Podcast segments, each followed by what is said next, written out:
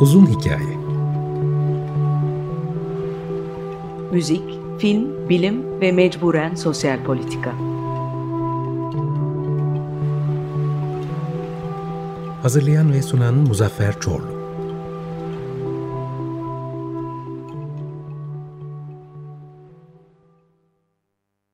Evet 95.0 Açık Radyo'da tekrar birlikteyiz. Bugünkü konu ağırlıklı olarak biyomimetik e, ve çevresinde oluşan bazı yeni gelişmeleri, interdisipliner hayatı ve de e, belki küresel iklim değişikliğiyle ve beyin göçünü bile konuşabileceğimiz e, çok değerli bir e, hocamız var. E, Profesör Doktor e, Mustafa Ürgen. Hocam hoş geldiniz. Merhaba, hoş bulduk. Şimdi tabii e, İstanbul Teknik Üniversitesi Metalürji ve Malzeme Mühendisliği profesörlerindensiniz. E, dolayısıyla bugün konuşmak istediğim konuda e, sizden daha uzmanını bulmam mümkün değildi. Fakat e, ben sizi bir ziyaretimde İTÜ'de e, ya bur burada tabii biraz şey yapmayalım ya bu konuda çalışan bir sürü uzman var yani ben bu, bu ben uzaktan yakından ben bir kere mühendis kökenliyim onu söyleyeyim yani temel bilimci değilim. Hı hı. Bu benim özel ilgi alanlarımdan bir tanesi. Ama biraz sonra da ileride göreceğiz. Bu çalışmalar e, hakikaten interdisipliner bir grup çalışmasını gerektiriyor. E, bu da bu bağlamda da bunu özellikle belirtmek isterim. Yani birinci uzmanlık alanım diye e, lanse edilmesi çok doğru değil. Yok biyomimetik değil de e, metalürji ve malzeme mühendisliği açısından bir uzman olduğunuzu e, kastederek e, bu uzmanlıkla biyomimetiğe bakacağımızı daha fazla sıyla anlatmaya çalıştım. Şimdi şöyle, tabii e, hala İstanbul Teknik Üniversitesi Metalürji ve Malzeme Mühendisliği'nde hocasınız değil mi? Devam ediyor Doğrudur. E, göreviniz. Doğrudur. Bu arada ben sizi bir kere ziyarete geldiğimde 10 seneden fazla oluyor galiba. E, duvarda dünyanın muhtemelen en eski ikinci mesleği olduğu yazıyordu. Ben de bir araştırdım. Birinci mesleğine dair birçok e, spekülasyon var. Her şey olabilir tabii ki. Ama e, ne olursa olsun birinci ya da ikinci önemli değil. Belli ki çok eski bir meslek. Önce buradan başlamak istiyorum. Neden malzeme, e, metalürji ve malzeme deyince gerçekten insanlık tarihine kadar geri gitmek zorundayız size göre? E son derece aslında biraz düşündüğümüz zaman basit. Çünkü baktığımız zaman insanların gelişim süreci malzemelerle gelişim süreciyle birlikte ilerliyor. Şimdi çağların adına baktığınız zaman bile çağların adı metallerin ve malzemelerin adıyla anılıyor belli bir döneme gelene kadar. Örneğin işte bronz çağı, işte e, demir çağı gibi. Çünkü bu malzemelerin gelişimi ve bulunması insanlığın gelişimi adına önemli katkılarda bulunuyor. Bugün bir sürü yapılan alet, edevat, işte savaş aygıtlarından tutun hepsi bir şekilde metalik malzemelerin insan hayatına girmesi, seramik malzemelerin kullanılabilir hale getirilmesiyle mümkün kılınıyor. Hatta biliyorsunuz bu meşhur işte Güney Amerika'daki e, İspanyol işgalinde en önemli araçlardan bir tanesinin çelik olduğu, çünkü bu, onlar çeliği bilmiyorlar. Onlar ancak bakır ve bakır alaşımlarını biliyorlar. Dolayısıyla çelikleri kullanan İspanyollar silahlarıyla karşı duramadıkları için büyük oranda bu medeniyetlerin de ortadan kalkmasına bunun katkıda olduğu dahi işte meşhur bir kitap var biliyorsunuz Tüfek, Mikrop ve Çelik. Orada da bunlar gayet net ve e, uzun uzun anlatılıyor. Dolayısıyla malzemelerdeki gelişmeler insanlığın gelişimi açısından önemli bir araç. Metallerle başlayan hikayemiz bugün işte kompozitler, farklı organik malzemeler, e, bunların türevleriyle her gün gelişiyor. Her gün yeni bir malzemeyle karşı karşıya kalıyoruz. Ve mühendislerin hayal ettikleri şeyleri yapabilmeleri için gerekli malzemeleri üretmek süreci de meteoroloji ve malzeme mühendislerinin önemli iştigal alanlarından bir tanesi. Umarım özetleyebildim. Tabii.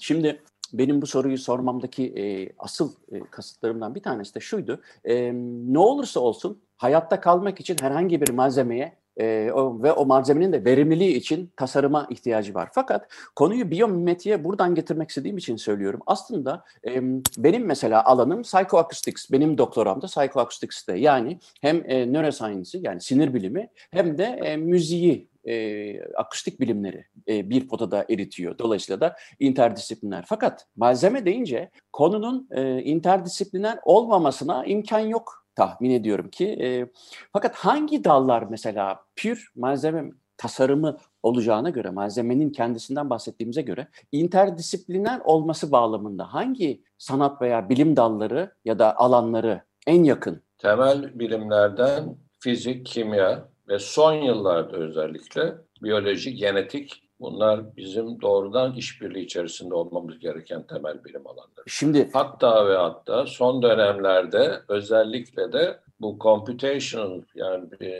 yöntemlerle tasarlama işin içine girdiği için hatta matematik bilimcileriyle de birlikte çalışmak durumunda bugün yeni bir şeyler geliştirmek, yapmak isteyen insanlar.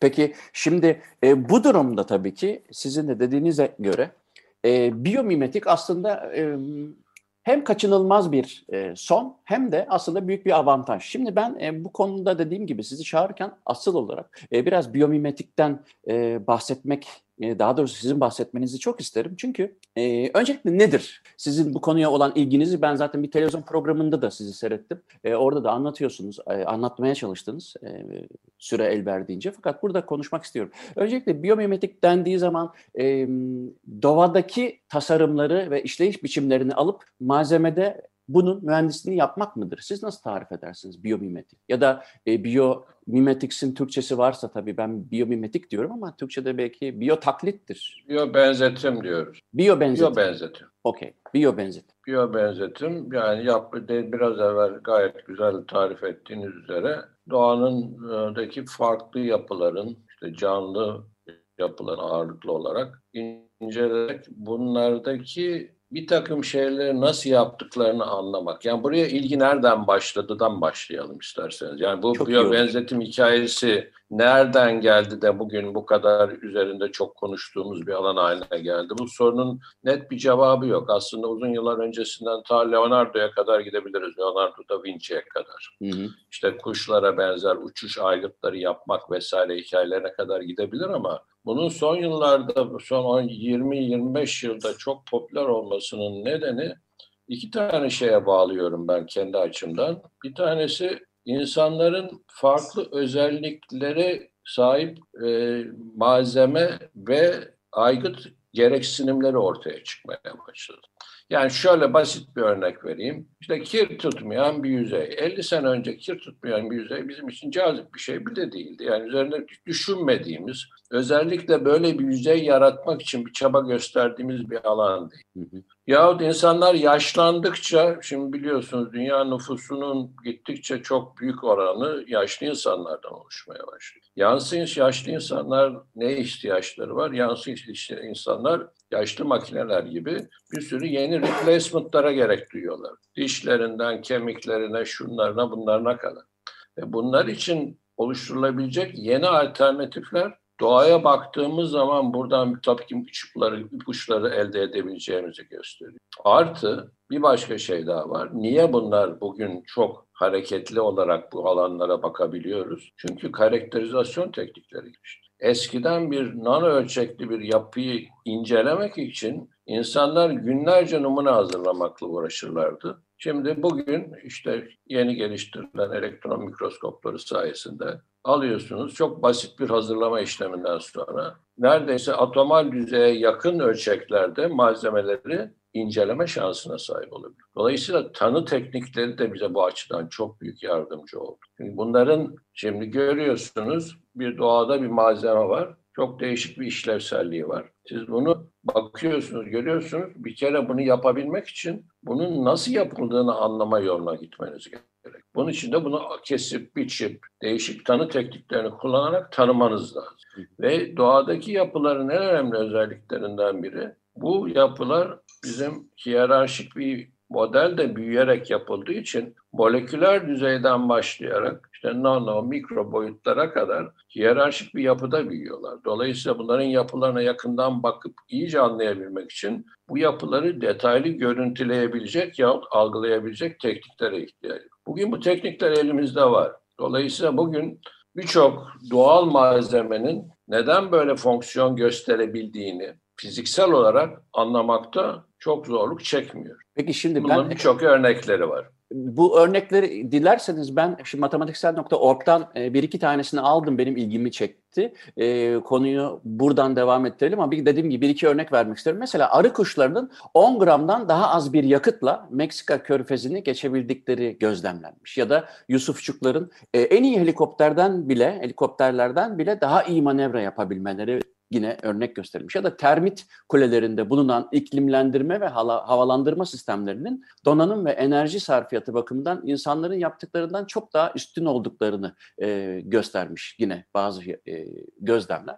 Yarasanın çok frekanslı ileticisinin yine örneğin insanların yaptığı radarlardan daha verimli ve duyarlı çalışması buna bir örnek. Gene ışık saçan e, alglerin vücut fenerlerini aydınlatmak için çeşitli kimyasalları bir araya getirmeleri gözlemlenmiş. Bu o kadar uzuyor ki bu liste. Yani kutup balıklarının donduktan sonra, kurbağaların donduktan sonra tekrar hayata gelme, e, dönebilmeleri ya da işte bu kalemamların, mürekkep balıkların, şunların bunları. Ama teknik olarak yani bütün bu canlıların e, dışında mesela sadece DNA sarmalının bile e, tasarım itibariyle en fazla bilgi depolayabilecek e, bir kapasiteye sahip olması da ilginç. Aynı şekilde arıların yaptığı işte o e, kovanlarındaki e, bal peteklerindeki şekiller aslında en çok şeyi e, haznelerini almak için tasarlanmış. Şimdi bütün bu örnekler ilham verici herhalde değil mi? Öncelikle bilim adamlarına. Elbette önemli. Şimdi şöyle bakmak gerekiyor. Yani ben aslında burada asıl heyecanlı gelişmenin daha bunların arkasında olduğunu düşünüyorum. Oraya belki geliriz. Şimdi ilk olarak bu işlere nasıl başlandığına bakıldığı zaman ilk çalışmalar aslında bunu yapan da e, Türk kökenli bilim adamlarının önemli katkısı var bu işe. Özellikle Amerika Birleşik Devletleri'nde e, çalışan İlhan Aksay ve Mehmet Sarıkaya hocalarımız Bunlar özellikle bu mekanik boyutuyla işe başlamışlar. Yani nasıl başlıyorsunuz? Mesela diyorsunuz ki bir işte abalaneşer, bir e, deniz kabuğunu kırmak çok zor. Bunun ham maddesine bakıyorsunuz. İşte bizim bildiğimiz kalsiyum karbonat sonuçta tebeşirle eşdeğer bir ham madde. Bu ham madde nasıl bu hale geliyor noktasından başlayarak çalışmalar bir şekilde birden buralardan başladı. Yani mekanik özellikler ağırlıklı olarak başladı. Ve bunu yaptığınız zaman görüyorsunuz ki öyle bir mühendislik işlevi görülüyor ki işte nano boyut, mikro boyut vesaireler buralarda yavaş yavaş işin içine girmeye başlıyor. İşte ne yapıyorlar? Küçücük tuğlacıklar var. Bunların etrafı polimerik bir malzemeyle çevrili ve bunun yarattığı malzeme nitelikleri bizim seramik dediğimiz ya tebeşir dediğimiz malzemeden çok daha farklı malzeme haline döndürüyor bunu. Dolayısıyla böyle başlayan bir hikaye daha sonra işte gekolar dediğimiz düz duvarda yürüyen e, kertenkeleler nasıl yürüyeye geldi. Ondan sonra efendim işte lotus çiçeğinin, işte lotus diyorum, e, nilüfer çiçeğinin niye yüzeyinde su tutmuyor gibi bunlar popüler alanlar oldukları için bahsediyorum. Ve bunları bugün hepsini çözdük. Niye böyle olduklarını biliyoruz. Yani ve buna benzeterek bir sürü şey de yapıyor, yapılıyor bugün. Endüstriyel bir sürü ürün var ortalıkta. İşte işte kir tutmayan yüzeyler, e, su tutmayan yüzeyler, efendim antibakteriyel yüzeyler, e, dediğimiz gibi işte mekanik özellikleri geliştirilmiş nano ölçekli kompozit malzemeler gibi biz bunları taklit ederek bir yandan aynı malzemeleri kullanmadan bile farklı kombinasyonları kullanarak bugün bu hikayeyi bir şekilde işlevsel hale dönüştürebilecek teknolojileri yaratabilir. Bizim yapamadığımız henüz bir şey var. Bunu nasıl yaptığını henüz çözemedik. Yani doğanın nasıl yaptığını bu işi. Şimdi Çünkü... ben de onu soracaktım. Mesela kalsiyum karbonattan ibaret dediğiniz e, deniz e, ne, nesiydi o? E, bir e, kabuk. Deniz, deniz kabuk. kabuğunun aslında e, evrimsel biyolojik açıdan bakacak olursak milyonlarca sene e, maruz kaldığı etkilerden dolayı geliştirdiği bir e, daha doğrusu ayakta kalan e, özelliği. Şimdi o milyonlarca yıllık e, bir serüvenden sonra bu hale gelmiş olan e, bizim tebeşir dediğimiz şeyi siz o zaman bilimsel ortamlarda ya da laboratuvarlarda bunları bu işlemlerden tabii hızlı bir şekilde geçirmeniz gerekiyor ya da başka bir yönteminiz mi var? Yani nasıl e, kalsiyum karbonat deniz kabuğu değil de yani daha doğrusu tebeşir değil de deniz kabuğu e, özelliğine sahip oluyor? Şimdi aslında bunu ben daha farklı bir örnekle çok an konuşuyorum. Her zaman anlattığım bir örnek var. Biz bizim vücudumuzdan bir örnekten başlıyoruz. Tamam. Mesela dişiniz. Şimdi diş dediğimiz malzemenin ne olduğunu biz biliyoruz. Diş dediğimiz hidroksaapatit dediğimiz bir kalsiyum fosfat bileşiği.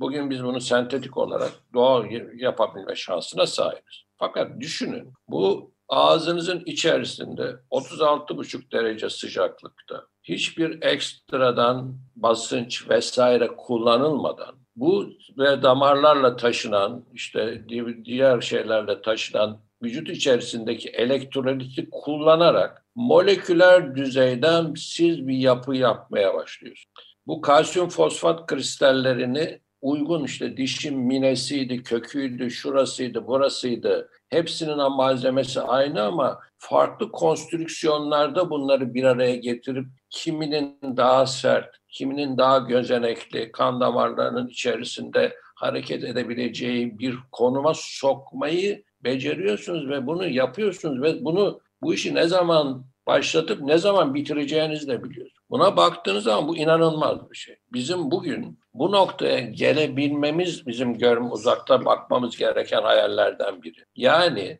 moleküler düzeyden başlayarak ben bu yapıları nasıl yapabilirim noktasında asıl büyük soru işaretleri var. Çünkü biz henüz bunu yapamıyoruz. Yani biz sentetik bir dişi yapamıyoruz. Dişin ham maddesini yapıyoruz hidroksapati. Bugün bunu nasıl yapılacağımızı kimyasal reaksiyonlarla, şunlarla bunlarla gerçekleştirebiliyoruz. Ama işin özü ve de baktığınız zaman bu süreç son derece çevreye duyarlı bir süreç. Hiçbir şekilde çevreye zararlı bir atık da üretmiyorsun.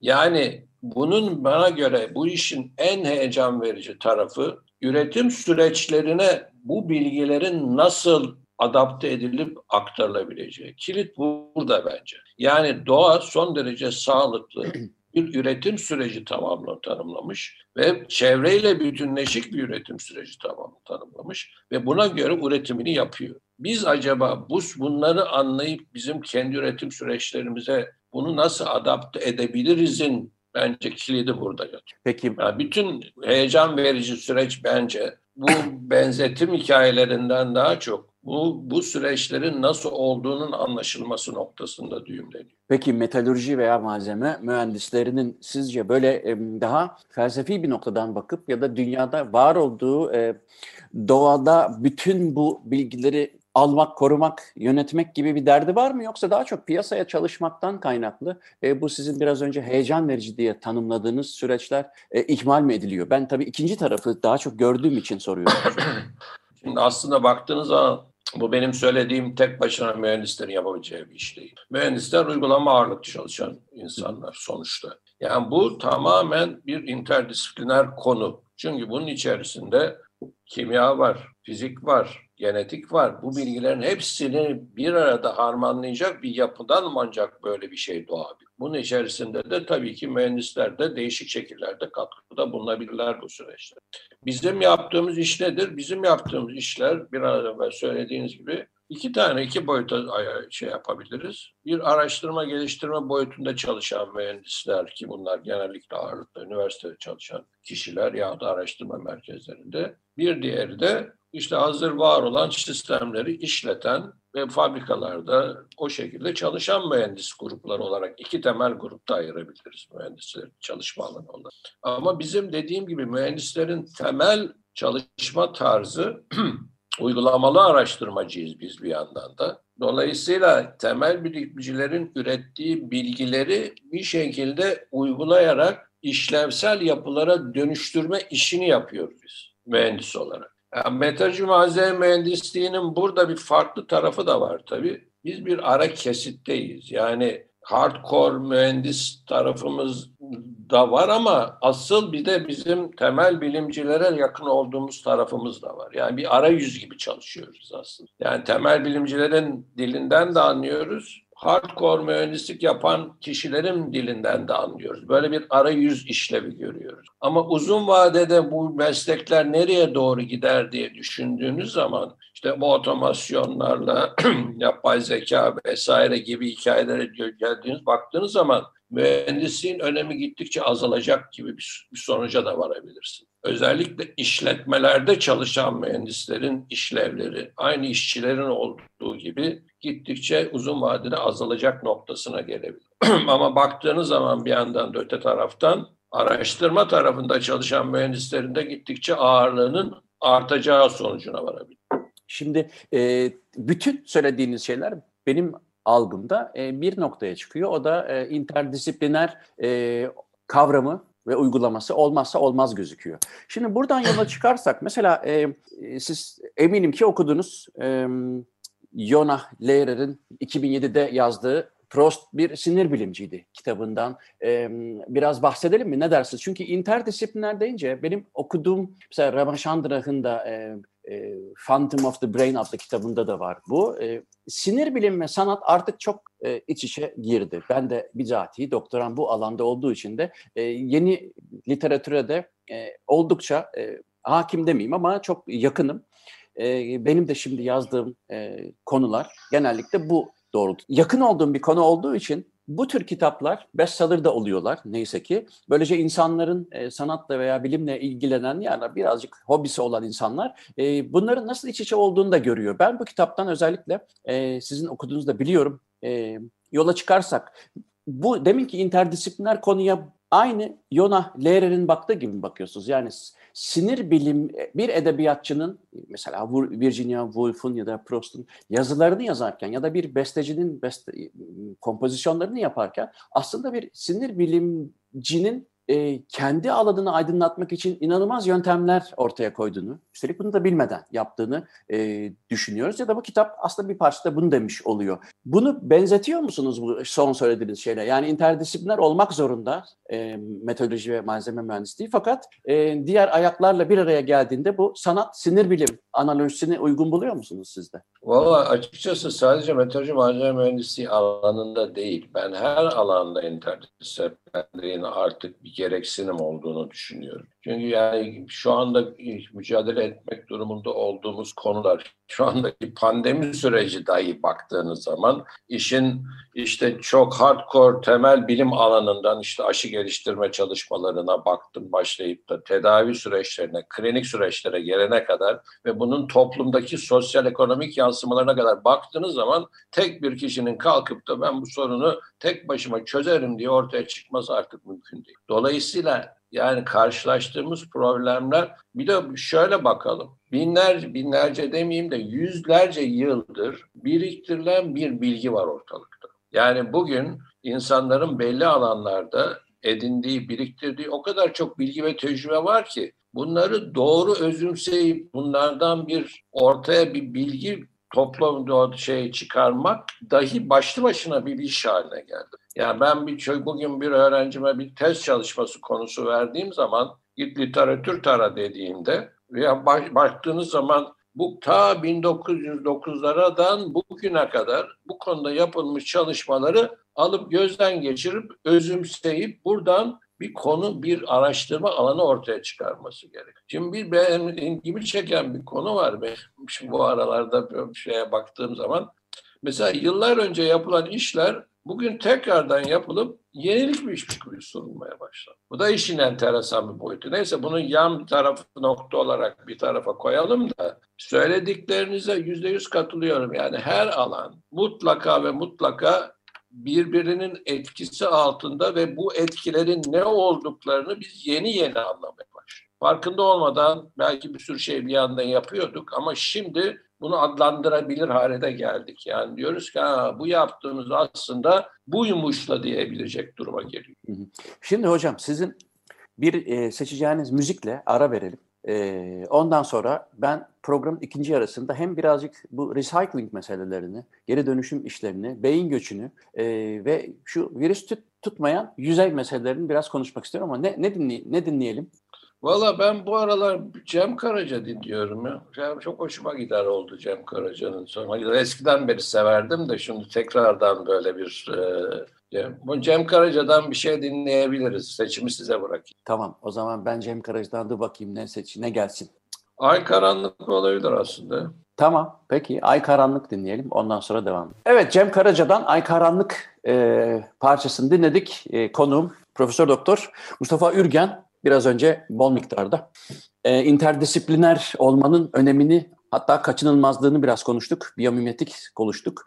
Fakat birkaç konu kaldı. Onları da gene Mustafa Hoca ile konuşmak istiyorum. Bunlardan bir tanesi, e, şimdi benim yaşadığım ülkede baş, başlıca bir sürü Avrupa ülkesinde olduğu gibi Belçika'da da e, recycling, geri dönüşüm işleri her her aşamada çok önemsenen hatta e, kitlesel bir e, e, akım olmuş bir e, davranış, toplumsal davranış biçimi. E tabi yeni dönüşüm deyince aklımıza kullandığımız her türlü malzemenin e, işlevi bittiği zaman e, ya da bitmemesine rağmen atıldığında onların tekrar toparlanması geliyor ama bunun arkasında büyük bir teknoloji, büyük bir e, bilim yatıyor. Siz nasıl bakıyorsunuz? Geleceğin e, dünyasında diyeceğim çünkü henüz e, dünya bu konuda son derece zayıf gibi görünüyor. En azından e, pek de atıklarımızı çok doğru düzgün ne sınıflayabiliyoruz ne de geri döndürebiliyoruz gibi gözüküyor ama yenilenebilir enerjiden tutun da e, herhangi bir kağıdın ya da plastiğin tekrar geri dönüştürülmesi mutlaka doğayı da dünyayı da biraz kurtaracak bir girişim olabilir.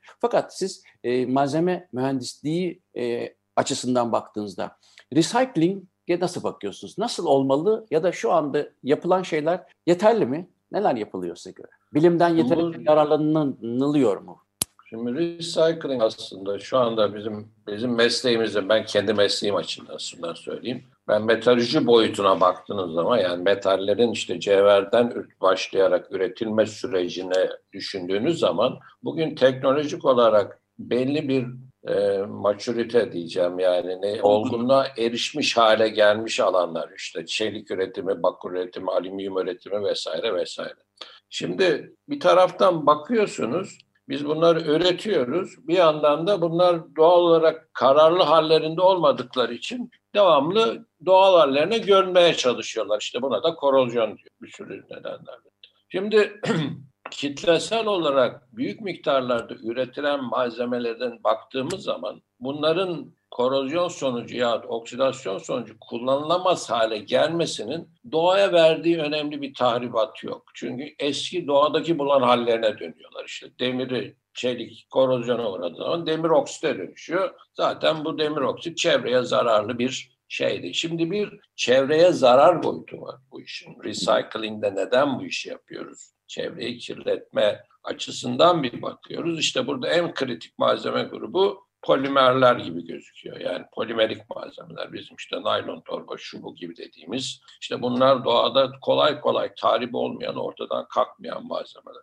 Bunların kesin olarak toplanması gerektiğine ben inanıyorum. Yani bunlar kesin olarak toplanmalı. Şimdi ikinci bir boyutu var bu işe. Bir de recycling artık bir zorunluluk haline gelmeye başlayacak. Niye? Çünkü bazı bizim kullandığımız bazı kritik malzemeler, ham maddeler dünyada çok sınırlı. Örnek kobalt, lityum. Bugün bunlar işte bizim işte pil dediğimizlerin en önemli ham maddeleri. İşte nadir toprak alkali metalleri dediğimiz metaller. Bunlar sonra kaynak olarak son derece sınırlı. Dolayısıyla biz bunları yapılardan geri örneğin pillerden bu malzemeleri geri kazanabilecek teknolojileri geliştirmek zorundayız. Mecbur kalı, mecburuz yani buna. Çünkü bu bir işte giderse biz uzun ya bunların fiyatları inanılmaz e, uçacak havaya yahut da biz doğru recycling teknolojilerini geliştirerek bunları geri kazanmanın yolunu bulmak zorunda kalacağız ki bu da çok önemli bir alan olarak bugün bütün mühendislik bizim açımızdan mesela bizim bölümde bu konuda özellikle çalışan gruplar var. Diğer mühendislik alanlarında, kimya mühendislerinin de böyle alanlarda çalıştığını biliyorum. Dolayısıyla geri dönüşüm teknolojilerinin geliştirilmesi çok çok çok önemli bir konu. Hem çevre açısından çok önemli bir konu, hem kaynakların düzgün kullanılması açısından önemli bir konu. Çünkü her üretim süreci bir anlamda bıraktığınız karbon ayak izine çok önemli katkılarda bulunuyor. Katkı dediğim pozitif anlamda bir katkı değil, negatif anlamda bir katkı. Ne yapıyorsunuz? Enerji kullanıyorsunuz. Enerji kullanmak için çevreyi kirletiyorsunuz. Bacalardan gazları atıyorsunuz. Yahut bunları temizlemek ihtiyacı duyuyorsunuz. Nereden baksanız ekonomik olarak, maliyet olarak ve çevreye verdiğimiz zarar açısından baktığımızda üretim süreçlerini mümkün olduğu kadar enerji efficient yapmak zorundayız ve geri dönüşüm teknolojilerinde bunun yanında geliştirilmesi üzerinde çalışmak zorunda. Bu iki kere iki dört. Yani dünyanın geleceği zaten şu anda baktığımız zaman çok parlak gözükmüyor daha da karartmamak için bunları yapmak durumundayız diye düşünüyorum. Peki biyomalzemeler e, giderek gelişiyor anladığım kadarıyla. Ben sonuçta ben bile rastladığıma göre haberlerde orada burada demek ki aslında recycling'in belki de e, bu eksi birinci kanunu olsun o e, bu da ama şey gibi hissediyorum yani üretilen herhangi bir malzeme daha sonradan tekrar e, doğaya zarar vermek sizin kendi kendine yok edecek ya da bir şekilde dönüştürülebilecek şekilde üretilmemeli mi? Yani daha üretme aşamasında düşünmek gerekmez mi recycling'i? Bu Elbette gerekmeli. Biyomalzemeler e, bu açıdan önemli mi sizce? Tabii ki yani bunu biraz evvel de söylediğim zaman doğadaki üretim süreçleri bu anlamda bizim için çok önemli ipuçları verebiliyor. Biraz evvel söyledim. Dedim ki doğadaki üretim süreçleri bir kere çevreyle uyumlu. Bir ağaca bakın en basitinden. Ağacın ürettiği bir atık var mı çevreye zarar veren? Bir ağaç bir senede bir metre büyür. Bir örnek atıyor, hı söylüyorum. Yahut bir takım e, işte bakteriler toprak altında çalışarak ya bir takım yaratıklar toprak altında solucanlar şunlar bunlar yani kendi içerisinde uyumlu bir üretim süreci bir faaliyeti devam ediyor doğada. Bir birinci konu bu. İkincisi bu işi yap nasıl yaptıklarını biz bilmiyoruz bazı şeyleri. Yani bizim yüksek sıcaklık, büyük bir oranda enerji vesaire kullanarak yaptığımız işleri doğa çok daha enerji efficient ve çok daha verimli bir şekilde bizden daha başarılı olarak yapmayı beceriyor. Yani insanın kendisi bu açıdan en güzel örneklerden bir tanesi. Yani dolayısıyla bu anlamda da doğadan öğreneceğimiz çok şey var. Yani doğanın yaptığı mühendislik ürünlerini bakıp bunları taklit etmenin yanında bizim bir de bunu nasıl yapıyor acabayı öğrenmeye daha çok çaba göstermemiz lazım. Böyle bir alan var mı peki? Yani böyle bir alan var, oluşuyor. Yani gittikçe oluşuyor ve fakat dediğim gibi şu anda şey kadar cazip değil. Ya bakın işte kelebeğin kanadı çok farklı renkler bunlar. Pigment kullanmadan bu işi yapmış. Biz bunu şimdi bunu söylemek çok daha cazip geliyor. Hı hı. Ama işin tabii bu öbür kısmı biraz daha sancılı ve zor bir kısmı. Çünkü nereden başlamanız lazım bu işe? Ta moleküler düzeyden başlamanız lazım. Çünkü oradan başlıyor bu hikaye. Kolay bir iş değil. Yani siz vücut içerisindeki elektrolitten kalsiyumu alıyorsunuz, fosforu alıyorsunuz. Bunları belli bir hiyerarşik yapıda bir araya getirip büyütüyorsunuz. E bunu yapmak için dediğim gibi bayağı bir emek sarf etmek gerekiyor. Bu alanda çalışan kişiler elbette var. Hem de çok sayıda var. Ama dediğim gibi daha ses getirecek ortada pek bir şey yok çıkmış ortaya. Ama mesela biyoteknoloji alanında mesela bakterileri ya başka işte mikroorganizmaları işçi olarak kullanarak çalıştırarak ürün üretime teknolojileri gelişmeye başladı. Bunlar var ortalıklarda. Ama dediğim gibi asıl bizim bunun temelini anlamak üzerine yoğunlaşmamız gerektiğini ben düşünüyorum.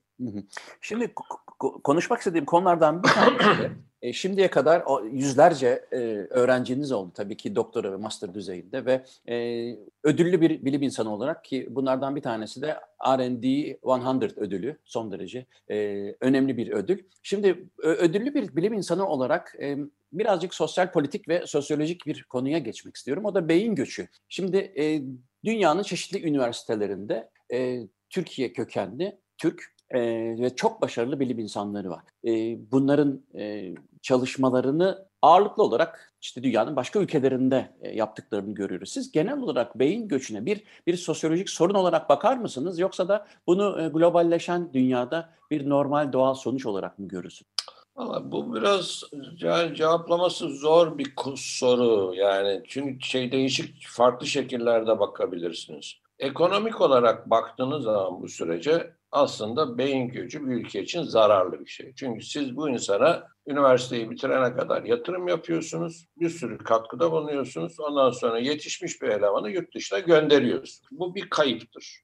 Yani, ekonomik olarak bir kayıp. Şimdi hikaye şu, aslında yani uluslararası bir çalışma ortamında insanların bulunmasının gelişimlerine bir katkıda olduğu katkıda olduğu yatsınamaz bir gerçek. Yani mümkün olduğu kadar mobil olmalı bana göre araştırmacılar, insanlar. Başka yerlerde gidip çalışmalı. Fakat en sonunda kendi ülkesine geri dönüp burada da bu edindiği bilgileri bir şekilde kullanıp belli bir noktaya ülkesini taşıma adına da bir gayret içerisinde olmalı diye ben düşünüyorum. Bu benim kendime ait bir düşünce.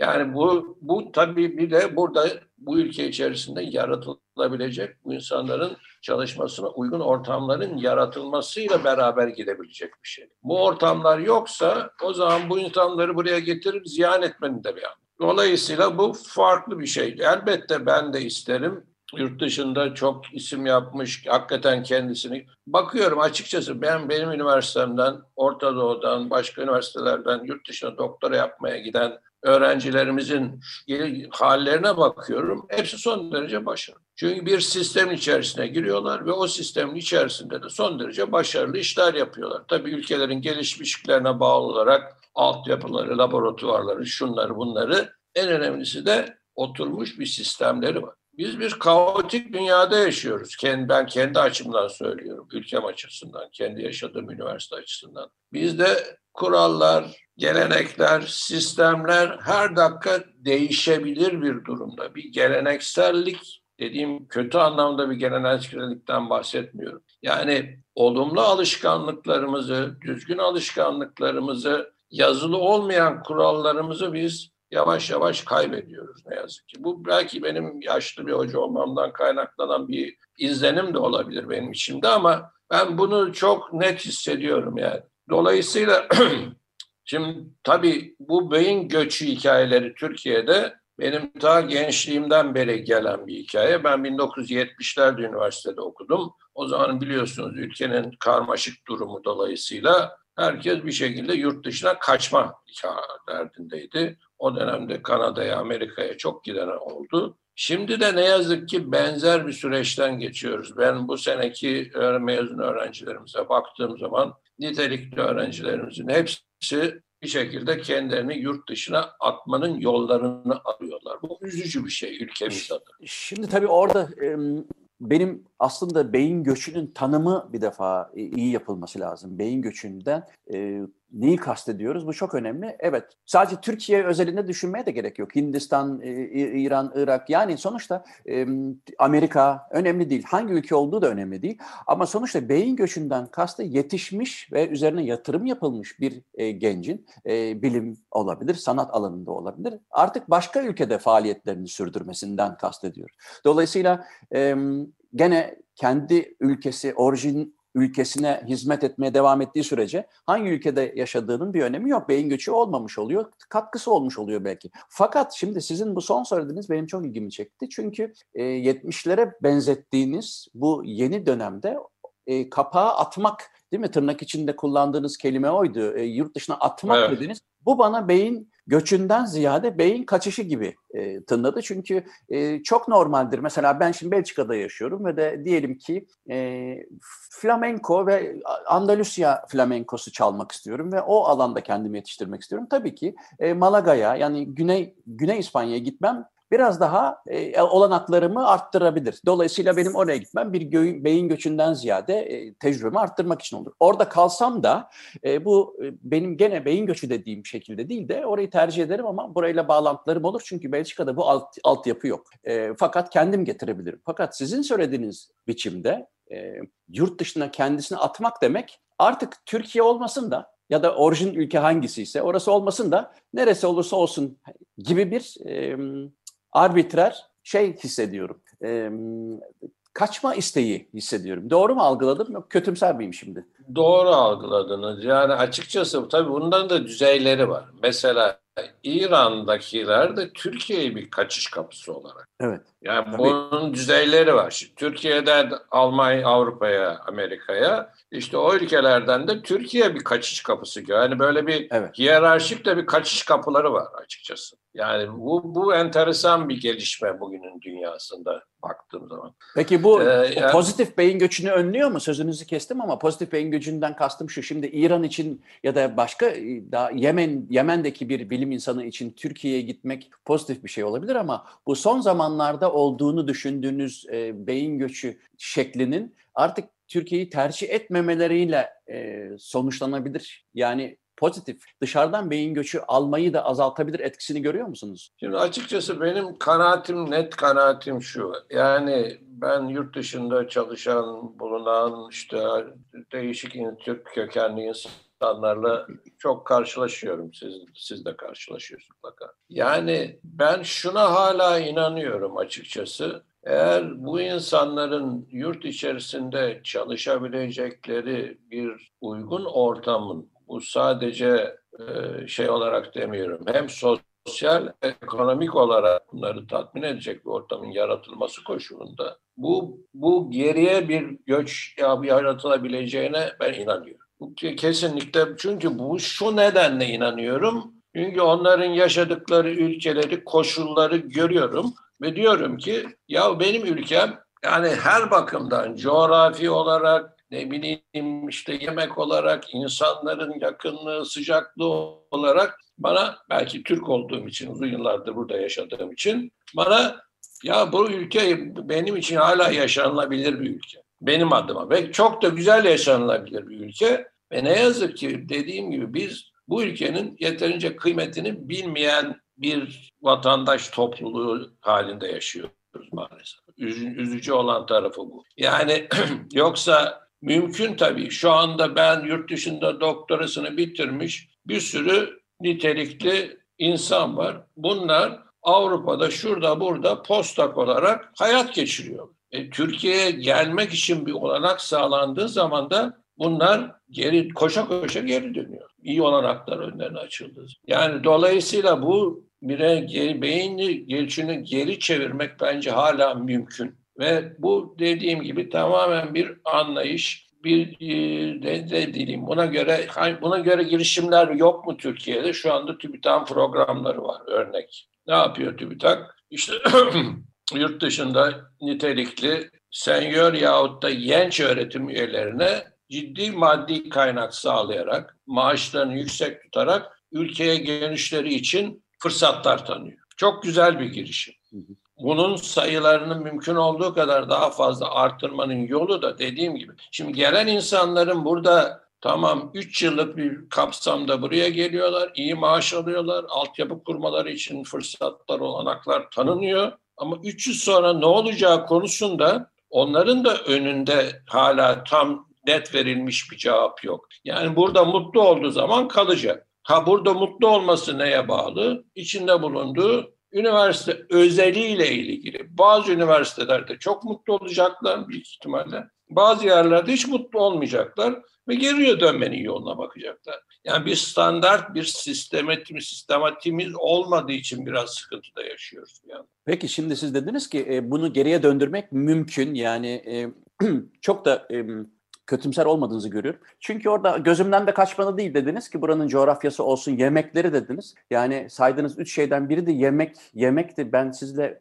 burada Belçika'da, Bruges'da beraber yemek yediğimde de fark ettim. İştahınız çok harika. Gerçekten de e, bu programdan önce de konuşmamızda dediniz ki yani Türkiye'deki uyaranın yüzde onu yok. Avrupa'da hakikaten ben bir hafta sonra çok sıkılıyorum diye. Ama yemekleri de yok muhtemelen tabii. E, bu şeye e, bir bakalım istiyorum. Dediniz ki döndürmek mümkün. Tamam bu belli ki yemekler falan filan güzel ama e, bunlarla olmayacak. TÜBİTAK'ın yaptığı çalışma da çok çok başarılı. Umarım e, daha da kaps e, genişleyerek devam eder. Fakat size göre e, hani neler değişirse, neler yapılırsa çünkü siz tam da için işin içindesiniz. En yani insanların e, bilim insanların tercih ettiği bir hocasınız ve İstanbul Teknik Üniversitesi'nde e, ve de yıllardır da e, bu alanda bir tecrübeniz var. Böyle hani hap gibi olmaz bu işler ama e, olmazsa olmaz birkaç şey bize sıralayabilir misiniz? Neler olursa tersine beyin göçü olabilir ya da en azından durur. Valla birincisi bir kurumsallığın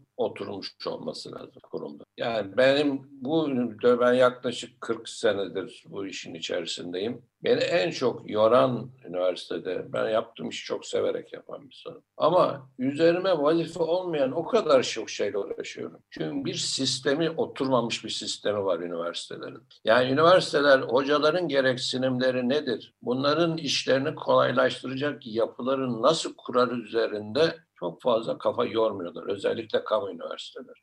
Çünkü birinci yük olarak baktıkları zaman ders vermek tamam bu önemli bir kısmı yani lisans öğrencisi yetiştirmek tarafı doğru ve üniversitelerin üzerinde de çok ağır bir yük bu. Bunu da, bunu da yatsayamazsınız. Yani benim teknik üniversitede yaklaşık 10-12 bin tane lisans öğrencisi var yani. 5 tane kampüs var. Bunları ama bir yandan da siz bir araştırma üniversitesi olma hüviyetiyle araştırmaya öğretim üyelerinin daha fazla zaman ayırmasını ve daha rahat araştırma yapabileceği koşulları oluşturmasına yardımcı olmanız lazım. En büyük sıkıntı bu tip yardımcıla desteklerin olmaması. Sekreteryaların iyi çalışmaması, teknisyen, tekniker altyapılarının olmaması, bütün işleri öğrenciyle yapmak zorunda kalmanız bunlar işi bizim açımızdan ve bürokrasiyle dahi yani kendinize ulaştırın. Bunlar sıkıntılı tarafları ama en önemlisi bence bir güvenilir kurumsal yapının olması ve kurallarının bu sistemin belli olması, her gün değişmemesi. Atama yükseltmek şeylerinin her gün değişmemesi.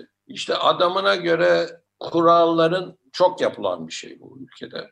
Bu buna göre olsun, buna göre olmasın gibi insanların özellikle gençlerin moral motivasyonunu kırıcı yollara girilmemesi. En önemli belki bir üçüncü konu ise bu ülke hiç kimsenin sorumluluk alıp hesap vermediği bir ülke hali. Yani biz öğretim üyelerimiz, öğretim üyelerinin yapması gereken iş, işin tanıfı, tanım, tanımı belli. Ve ben bu işi düzgün yapıyor muyum gibi diye her yıl denetlenmeliyim. Ve ben bu işi doğru yapmıyorsam bunun bir karşılığı olmak zorunda. Bu pozitif, iyi yapıyorsam bu pozitif karşılık olabilir.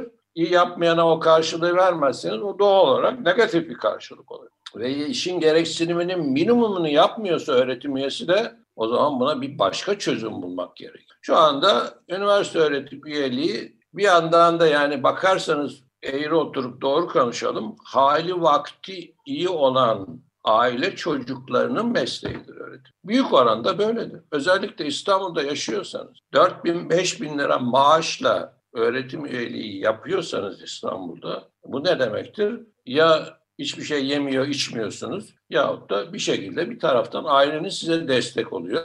Yahut ailenizden kalan bir şeyler var. Bunlarla beraber yaşıyorsunuz.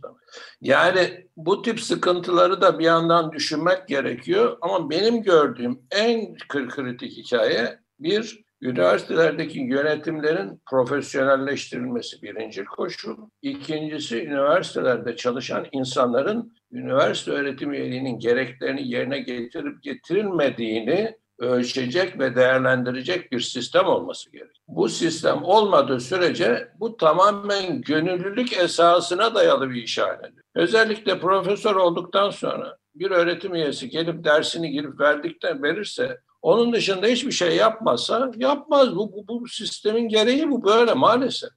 Ha sizin bir şey yapıyorsanız eğer sistemi size bunu yapmak için motive ettiğinden, zorladığından değil, siz kendi istediğiniz için yapıyorsunuz. Yani ben bugün işte hala çalışıyorsam, hala öğrenci yetiştirmeye uğraşıyorsam, hala laboratuvara girip sağlı solu onu kurcalıyorsam, bu ben severek, isteyerek yaptığım için bunu böyle yapıyorum. Beni kimse bunu yapmaya zorlamıyor. Ve ben istesem bunların hiçbirini yapmam. Haftada bir gün, iki gün okula giderim. Ondan sonra olur ma maaşımı alırım. Yani dolayısıyla genelde böyle bir sıkıntıyı da ben altını çizmek gerektiğini düşünüyorum. Çünkü sonuçta üniversitelerin kalitesini yükselten en önemli etmen üniversitede çalışan insanların niteliğidir. Ve bu niteliği yüksek tutmak için de bu kurumun birinci görevi de bu insanların bu niteliklerini yüksek tutmak için gerekli her türlü desteği bu insanlara vermek. Buna rağmen gene bir şey yapmıyorlarsa ona da bir çözüm üretmek.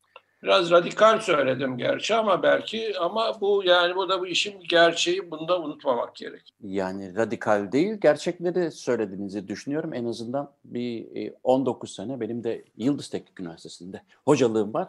E, hepsine katılıyorum. E, gerçekten de aslında toparladığınız şeyi, anlattığınız şeyi toparlayacak olursak e, söylediğiniz şeyler bir yanıyla korkutucu şeyler değil. Çünkü e, bunları düzeltmek e, çok da bir şey istemiyor. Yani sizin biraz önce e, söylediğiniz şeyleri yerine getirebilmek için ne bir çok ciddi para ne altyapı sadece bir e, yaklaşım biçiminden bahsediyorsunuz. Dolayısıyla o perspektifin değişmesiyle değişecek şeyler olduğu için de olumlu bakmaya devam etmek belki daha mantıklı. Yani dediğim gibi siz bir şeyin önemini kavradığınız zaman bunun çözümüne, bu problemi önce ben şunu söylüyorum hep. Yani bir kere problemi doğru tanımladığınız zaman problemin yarısından fazlasını çözmüşüz demek. Biz problem tanımlamada hala sıkıntı yaşıyoruz. Yahut da bu problemleri tanımlıyoruz ama çözmek işimize gelmiyor böyle gidiyor bu işler. Ya da problem olarak görmemek gerekiyor. Ya bizim için problem olan şeyler başkaları için çok ciddi bir problem değil. Ama ben bir ülkenin gelişimi adına en önemli konunun insan kaynağının niteliği olduğunu düşünüyorum. Bunun bunu benim yani sadece benim bir gözlemim değil. Bunun örnekleri ortada. İkinci Dünya Savaşı'ndan tepedaklak çıkmış bir Almanya bugün dünyanın üçüncü, dördüncü, üçüncü en büyük ekonomisi haline geldi. Tepe taklak 90'larda olan perestroika sonucu Rusya bugün belli bir oranda hala kendini toparlamış durumda. Yani ekonomik bir güç olmasa bile teknolojik bir güç olmaya hala devam ediyor. Bunu neden nasıl yapıyorsun? Çünkü nitelikli yetişmiş insanım var. Nitelikli gelişmiş yetişmiş insan kaynağı en önemli kaynak. Paradan puldan çok daha önemli. Ve ben maalesef ülkemizde de buna yönelik bir faaliyetleri ilkokuldan üniversitenin sonuna kadar çok parlak gittiğini düşünmüyorum. Ve bunun da temel nedenlerinden bir tanesinin de sistemsizlik olduğunu düşünüyorum. Her gün her şey değişmez. Her gün kural değişir burada. Neye göre değişir? Genellikle de bunlar yani insanları da kötü motive eden bir hale gelir. Bir öğrenci dersten kaldığı zaman ya nasıl olsa bir bana bir, bir hak daha verirler. Ya şöyle olur. Ya ben böyle bu bu bu yani bu affedici zihniyet diyorum ben buna. Aslında bu affedici zihniyet insanları sorumsuzluğa iten bir zihniyet haline geliyor. Yani insanlar yaptıklarının sonuçlarına katlanmayı öğrenmek öğrenmeleri gerekiyor çocukluklarından. Yani şimdi bunlar tabii benim gözlemlerim doğrudur yanlıştır bilmiyorum ama hissettiklerimi söylüyorum. Ee, ama dediğim gibi ben şeysiz değilim, umutsuz bir durumda değilim. Gençler için durum daha zor tabii. Onlar çünkü çok daha heyecanlılar, bir şeyler yapmak istiyorlar. Bir an evvel bir şeyler olsun istiyorlar. Onlar tabii daha çabuk bu hayal kırıklıklarına, umutsuzluğa kapılabiliyorlar. Ama bu bir süreç. Ülke nerelerden geldi, nerelerden geçti. E, bu da bir dönem, bu da gelecek, geçecek inşallah. Daha iyi günleri hep beraber göreceğiz diye umut ediyorum. Peki bu şekilde de bitirelim. Bugün Profesör Doktor Mustafa Ürgen İstanbul Teknik Üniversitesi Meteoroloji ve Malzeme Mühendisliği öğretim üyesi. Hocam çok teşekkür ederim katıldığınız için. Aydınlatıcı oldu gerçekten de özellikle de hem bir yandan umudu korumak bilim insanları açısından en azından hem de yapılacak olan gerçekleşmesi gereken ufak tefek değişikliklerinde umarım belki buradan da fitilini ateşlemiş oluruz. Belli mi olur? Çok teşekkür ederim katıldığınız için. Valla umarım böyle olur da pek umudum yok o alanda ama. Bana ulaşmak için Muzaffer Corlu Gmail adresini e, kullanabilirsiniz. Muzaffer Corlu Twitter accountundan da ulaşmanız mümkün. Spotify'dan da podcastlere ulaşabilirsiniz. Hepinize günaydın.